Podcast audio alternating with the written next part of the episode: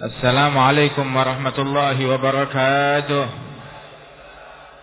الحمد لله والصلاة والسلام على سيدنا وحبيبنا رسول الله سيدنا محمد bin Abdullah wa ala alihi wa sahbihi wa mawalah ma ba'd kita bersyukur kepada Allah Subhanahu wa taala pagi hari ini kita masih diberikan umur hingga kita bisa hadir di tempat di majlis yang penuh berkah ini majlis al-imam al-arif billah al-habib Ali bin Abdurrahman al-Habsyi mudah-mudahan Allah angkat derajat beliau.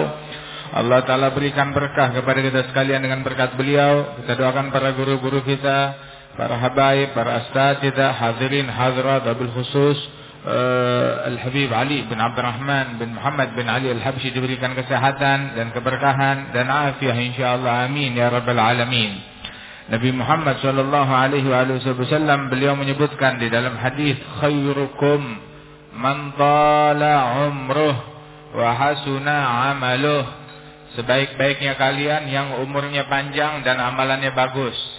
Kenapa? Sebab umur ini modal kita untuk meraih akhirat. Orang kalau nggak punya umur, bagaimana dia mau beribadat? Umur hidup kita ini adalah sesuatu yang paling berharga, sesuatu yang paling mahal. Sehingga kita diperintahkan irtanim khamsan qabla khams, hayataka qabla mautik, syababaka qabla haramik, sihhataka qabla sugmik, ghinaka qabla fagrik, wa faraghaka qabla syughlik. Ambil kesempatan, gunakan yang lima sebelum datangnya lima perkara hidup kita sebelumnya datang kematian. Mumpung hidup sebelum kita mati. Kemudian juga sehatnya kita sebelum datangnya sakit. Waktu luangnya kita sebelum kita disibukkan dengan hal lain. Masa muda kita sebelum datangnya masa tua. Sebab orang ketika dia muda bisa melakukan banyak hal. Bisa melakukan ibadat, pengabdian, ketaatan kepada Allah subhanahu wa ta'ala. Yang dalam beberapa hal sulit dilakukan oleh orang-orang tua. Ambil kesempatan sebelum datangnya kesempitan. Dan ketahuilah bahwasanya ini umur itu adalah modal utama kita. Allah Subhanahu wa taala menjadikan tuh umurnya manusia nih adalah untuk bekal bagi dia meraih kehidupan akhirat. Sehingga disebutkan kullu nafas min anfasik jauharatun la qimata Setiap nafas dari nafas-nafasmu kata Ghazali bagaikan berlian yang tak ternilai harganya. Kalau berlian hilang bisa dicari gantinya yang sama atau yang lebih bagus. Berlian hilang bisa dicari gantinya. Tetapi nafas yang udah berlalu, bagaimana kita balikin tuh nafas? Siapa yang bisa mengembalikan semenit yang lalu? Siapa yang bisa mengembalikan sejam yang lalu? Siapa yang bisa mengembalikan waktu kemarin? Siapa yang bisa mengembalikan masa muda kita? Ayo balikin tuh masa muda. Balikin waktu yang kemarin. Gak bisa dibalikkan. Yang udah berlalu sampai dibilang mamadha fat wal muammal ghaib walakas sa'ah allati anda fiha. Yang sudah lewat dari waktu kita, udah luput, lepas. Waktu yang udah berlalu, udah lepas. Nggak bisa kita tarik lagi, nggak bisa kita ambil lagi, nggak bisa kita mundurin. Masa depan nanti, nanti sore, nanti siang, nanti malam, besok pagi, itu hal yang gaib. Berapa orang yang, berapa banyak orang yang menanti esok, datang esok dia udah dikubur. Berapa banyak orang, berapa banyak orang yang menanti pilkada, eh, pengen dicoblos, eh, nggak taunya datang pilkada, dia lagi tahlilan di rumahnya. Banyak yang begitu. Bukan satu, bukan dua, banyak yang kayak begitu. Subhanallah. Yang lalu udah lewat, nggak bisa kita ambil lagi, nggak bisa kita raih. Yang besok yang akan datang itu hal yang gaib. Kita nggak tahu. Ketika besok datang, kita masih ada atau enggak. Jadi yang kita punya cuma saat ini sekarang. Maka gunakan waktu sekarang ini dengan sebaik-baiknya. Jangan diisi dengan hal yang tidak baik. Waktu yang sekarang ini setiap nafas berlian. Hati-hati, berlian jangan kita buang di comberan. Jangan kita buang di got. Jangan berlian yang kita punya kita tukar. Kita jual. Berlian ditukar sama apa? Sama kotoran kambing. Orang bodoh yang melakukan hal yang demikian. Jaga berlian kita. Kalaupun kita mau tukar, menit kita tukar dengan hal yang paling berharga. Sebab kalau kagak itu semuanya bakal menjadi penyesalan besok di hari kiamat. Yaumut taghabun, hari orang pada nyesal semuanya, orang pada getun hari kiamat. Hatta orang sorga nyesal. Masuk sorga nyesel, iya, apalagi yang masuk neraka. Nabi bilang, la yatahassar ahlul jannah fil jannah illa ala sa'atin marat alaihim fid dunya la yazkurullaha ta'ala fiha. Penyesalannya orang sorga mereka menyesal atas berlalunya satu jam berlalunya satu saat. Mereka lalui di dunia tanpa berzikir kepada Allah di dalamnya. Bahkan tuh waktu yang kita lalui itu ada 24 jam besok di hari kiamat itu 24 jam dirubah menjadi 24 lemari, 24 pintu, 24 kotak. Per harinya itu ada 24 kotak. Ketika orang di hari kiamat dia buka kotaknya itu isinya berlian. Wah, ini amal yang di, eh, di saat tersebut dia berzikir atau dia ibadat. Ada juga orang yang ngebuka tuh lemari isinya kosong, melompong. Maka dia sedih. Saking sedihnya kalau seandainya di hari kiamat ada kematian, setelah kematian dia bakalan jantungan langsung mati saat itu juga. Saking nyeselnya, kenapa dibiarin kosong? Padahal bisa diisi dengan nur, dengan cahaya, dengan pahala yang besar. Saking nyeselnya tuh, kalau seandainya ada kematian, jantungnya bakalan putus langsung saat itu juga. Saking nyeselnya. Cuma nggak ada kematian. Di hari kiamat nggak ada kematian setelah kematian. Itu yang ngelihat kotaknya dia kosong. Bagaimana kalau yang ngelihat kotaknya dia penuh dengan kegelapan, dengan kezaliman, dengan kejahatan? Bagaimana kira-kira itu penyesalannya besok di hari kiamat? Nah karenanya itu saat yang kita punya, jam yang kita punya isi dah. Jangan dibiarin kosong. Isi sama zikir. Kan zikir nggak pakai modal. Kita kalau mau pergi haji pakai modal. Mau pergi umrah pakai modal, mau sedekah pakai modal. Hatta kita mau sholat capek juga, badan pegel kalau kebanyakan. Mau puasa kelaparan juga. Tapi kalau kita zikir kan cuma gerak lidah doang. Jangan bilang buat zikir capek, buat gosip kuat. Gunakan waktu kita nih, isi waktu tersebut. Walaupun waktu yang kita habiskan di jalanan. Dari rumah kita ke majelis kuitang sini. Berapa lama? Satu jam, dua jam. Kalau zikir la ilaha illallah bisa dapat berapa puluh ribu kali. Kalau salawat kepada Nabi Muhammad bisa dapat berapa kali. Ada satu anak, ya, minta nasihat sama ibunya. Masak, mau masak apa namanya gulai atau semur atau apa. Dia bilang itu dagingnya itu berapa lama dibiarin di panci? Berapa menit? Maka si ibu bilang ya sekitar baca surat Al-Ikhlas seribu kali terus baru buka. Berapa menit loh? Saya nggak tahu berapa menitnya. Tapi saya tahunya baca al-ikhlas seribu kali, atau baca al-ikhlas lima ratus kali, atau baca sholawat dua ribu kali. Nah itu baru matang. Subhanallah. Hitungannya pakai begituan zaman dulu. Makanya orang dulu tuh waktunya berkah. Wa kana Imam Abdullah bin Husain bin Tahir. Beliau membagi waktunya sedemikian rupa dengan tertib hingga itu tiap hari dia baca la ilaha illallah, zikir la ilaha illallah tiap hari 25 ribu kali. Terus la ilaha illallah yang dia baca nggak kayak ucapan kita. Kita bacanya itu kan sambil nonton TV, sambil nonton bola, sambil nonton gosip, infotainment, sambil update status kita komat kamit mulut kita. Sehingga mulut sama hati beda. Lakin al-Imam Abdullah bin Husain bin Tahir Zikirnya dia itu fokus dengan hati, dengan lisan beliau. Beliau tiap hari 25 ribu kali baca La ilaha illallah. 25 ribu kali membaca zikir Ya Allah, Ya Allah. 25 ribu kali bersalawat kepada Nabi Muhammad Sallallahu alaihi wasallam. Belum mengajarnya, belum dakwahnya, belum nulis kitabnya. Sampai ada satu orang ngasih hadiah ke Habib Abdullah bin Tahir dikasih hadiah jam. Jam apa namanya tuh yang pakai per tuh kan jam dinding tuh dulu tuh masih pakai per diputar. Dikasih hadiah ini jam buat Habib. Buat apa ini jam? Ya untuk ngaturin waktu. Bilang waktu saya udah teratur. Bilang ini bakal lebih membantu lagi. Jadi bisa tahu waktu. Ya udah. Dua tiga hari tuh orang datang lagi. Habib Abdullah bilang jamnya kamu rusak itu. Bilang ya Habib ini jam bukan rusak tapi mesti diputar pernya. Setiap hari itu diputar sekali atau dua kali setiap hari. Diputar doang pernya. Jadi dia muter itu jam. Setiap hari iya. Sekali iya sekali atau dua kali. Maka kalau begitu kata Habib Abdullah bin Husain ambil balik ini jam. Bawa pulang sono bilang kenapa? Soalnya percuma nggak kepake sama saya. Saya nggak kepake? Saya nggak punya waktu buat muter jam.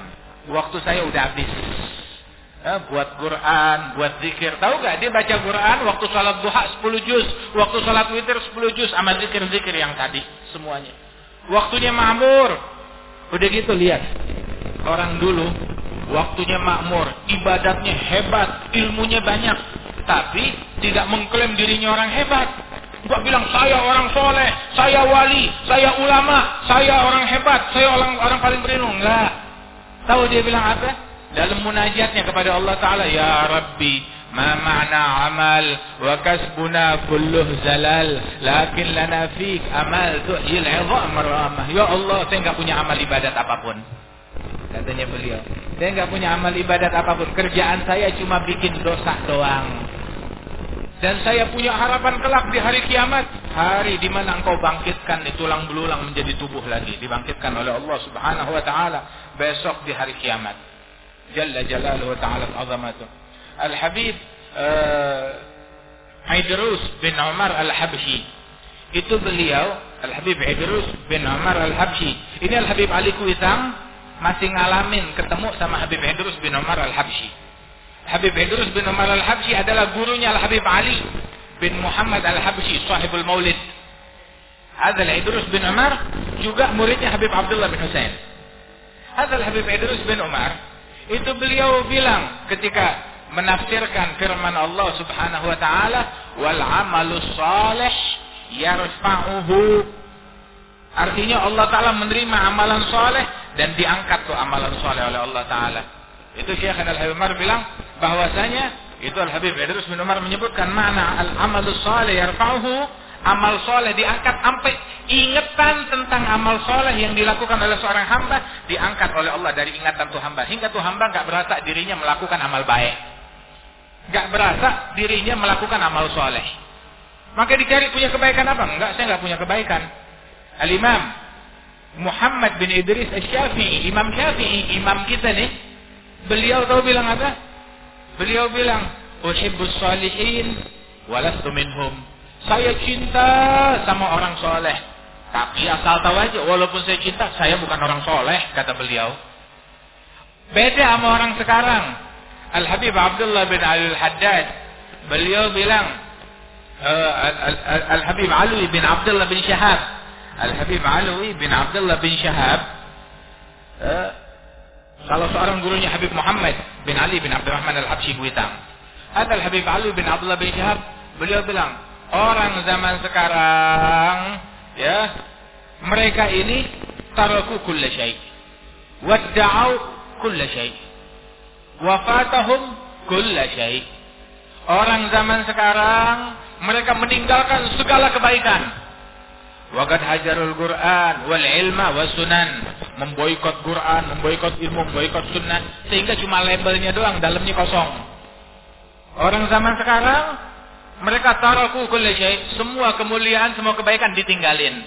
Udah gitu, idda'au kulli syai, mengklaim kalau mereka punya segalanya. Saya punya ilmu, saya punya kesolehan, saya ulama, saya orang soleh, saya wali, saya ini, saya itu. Diklaim macam-macam. Padahal nggak punya apa-apa, kosong. Sehingga katanya, katanya beliau, kata Habib Ali bin Abdullah, wafatahum kullu syai, mereka kehilangan segalanya kehilangan segalanya bagaimana? Al-Imam Al-Ghazali uh, beliau bilang waman fagadal ittisaf fala agal minal insaf Kalau kita tidak mampu bersifat dengan sifat yang mulia, paling kagak kita punya sesuatu apa? Tahu diri, sadar kalau kita nggak punya kemuliaan tersebut. Jadi kita tawadhu.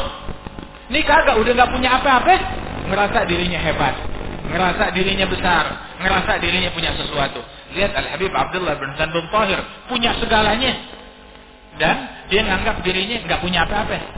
Emang orang besar, orang besar nggak menganggap dirinya besar, menganggap orang lain besar, saya yang hina. Orang besar tuh kayak begitu. Orang besar, orang baik, kalau dia bikin kebaikan, dia nggak ingat kalau dia bikin kebaikan. Yang dia ingat cuma dosanya dia. Dia tidak ingat kebaikan dia. Yang dia ingat cuma dosa dia. Dan pandangan dia terhadap orang lain, dia ingat kebaikan orang, dia lupa sama dosanya orang.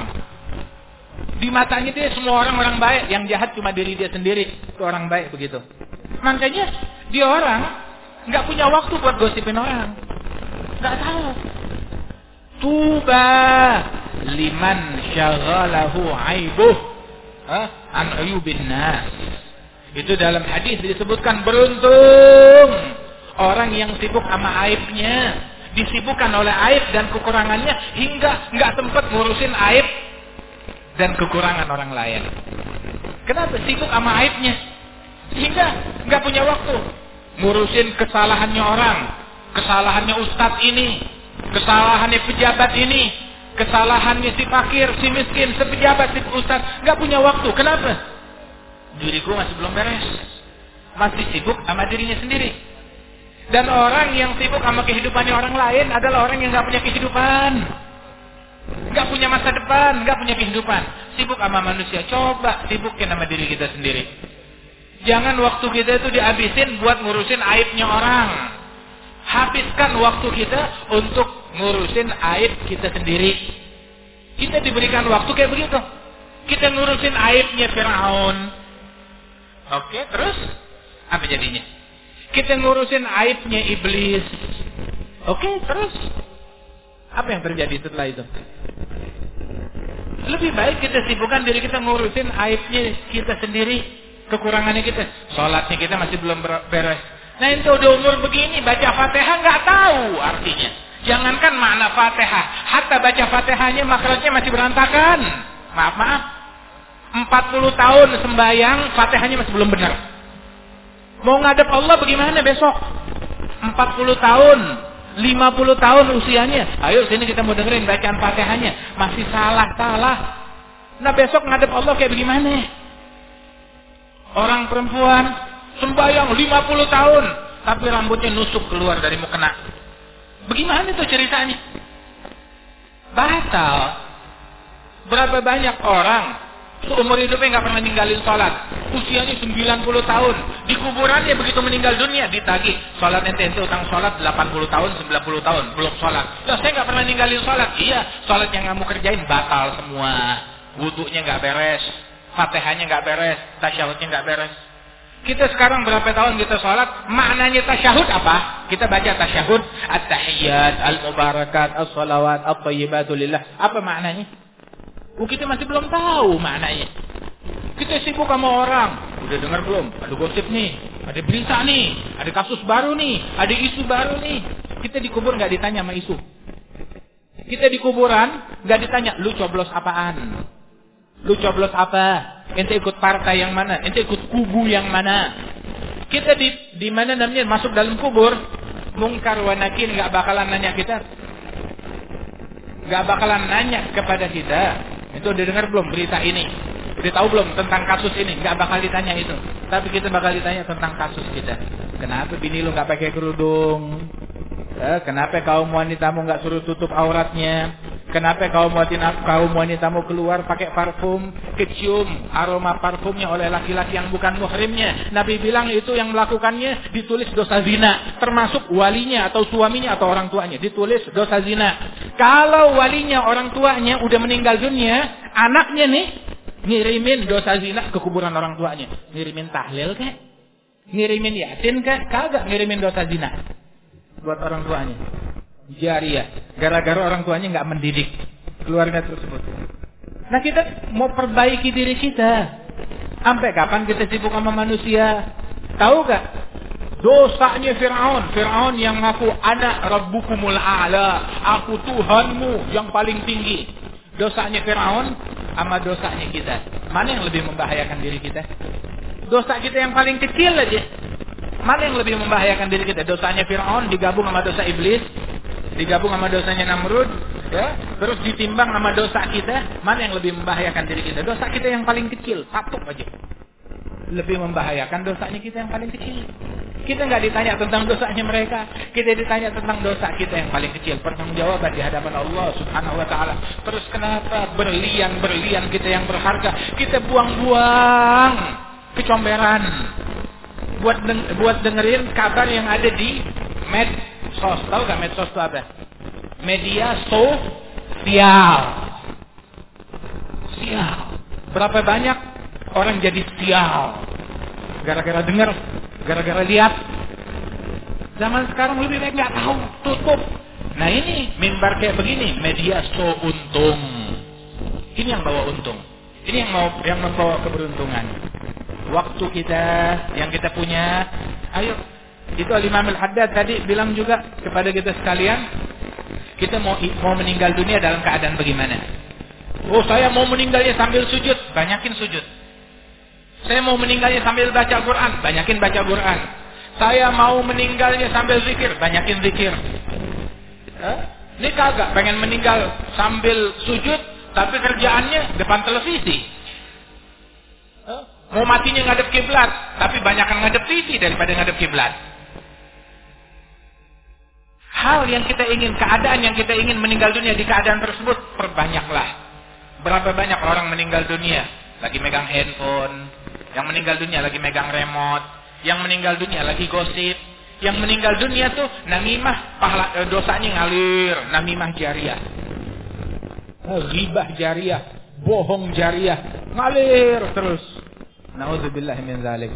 Ambil waktu kita selagi kita masih hidup, asal tahu aja. Eh?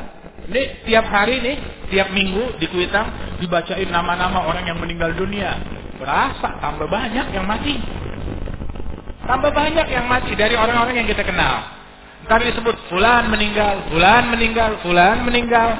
Begitu. Tahu-tahu ente namanya disebutin. Disebut namanya. Semuanya bakal sampai kepada giliran kita. Kita bakal mengalami kematian tersebut.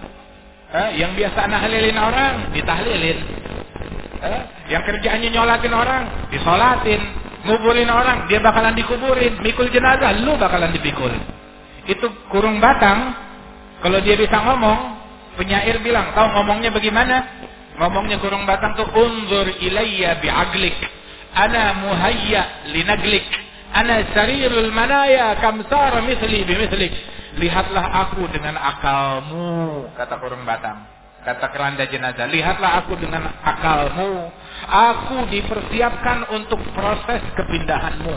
Gotong engkau ke kuburan. Aku adalah ranjang kematian. Berapa banyak ranjang-ranjang sepertiku menggotong orang-orang yang tadinya sehat dan hidup seperti kamu digotong di sini. Dan kita semuanya bakalan digotong. Ya Rab, mudah-mudahan Allah Ta'ala berikan husnul khatimah kepada kita sekalian. Terakhir Al-Habib Abdullah bin Husain bin Tahir akhir hayatnya. Pas mau meninggal dunia itu istrinya nalginkan la ilaha illallah keluarganya nalginin. Diam aja Habib Abdullah. Ditalginin lagi dua kali. La ilaha illallah diam aja. Sampai berkali-kali akhirnya Habib Abdullah bin Husain yang lagi sibuk lagi sibuk sama ngajinya sama zikirnya dia noleh ke keluarganya eh, kalau kalian tujuannya ingin berzikir kepada Allah, silakan zikir aja pelan-pelan sendirian. Tapi kalau tujuan kalian ngucap kalimat tersebut untuk ngingetin saya, ya nggak usah khawatir, nggak usah diingetin. Sebab la ilaha illallah udah bercampur dengan darah saya, dengan kulit saya, dengan tulang saya, dengan sumsum saya, dengan daging saya, dengan rambut saya. Bagaimana tidak? Nah, tiap hari wiridnya la ilaha illallah. Allah yarzuqna husnul khatimah indal maut. يحفظنا وإياكم إن شاء الله من جميع الأذيات والبليات والعاهات والآفات ويجعلنا من شر البريات اجعل جمعنا هذا جمعا مرحوما تفرقنا من بعده تفرقا معصوما ولا تجعل فينا ولا منا ولا معنا شقيا ولا محروما. صلى الله على سيدنا محمد وعلى آله وصحبه وسلم. وآخر دعوانا عن الحمد لله رب العالمين. السلام عليكم ورحمة الله وبركاته.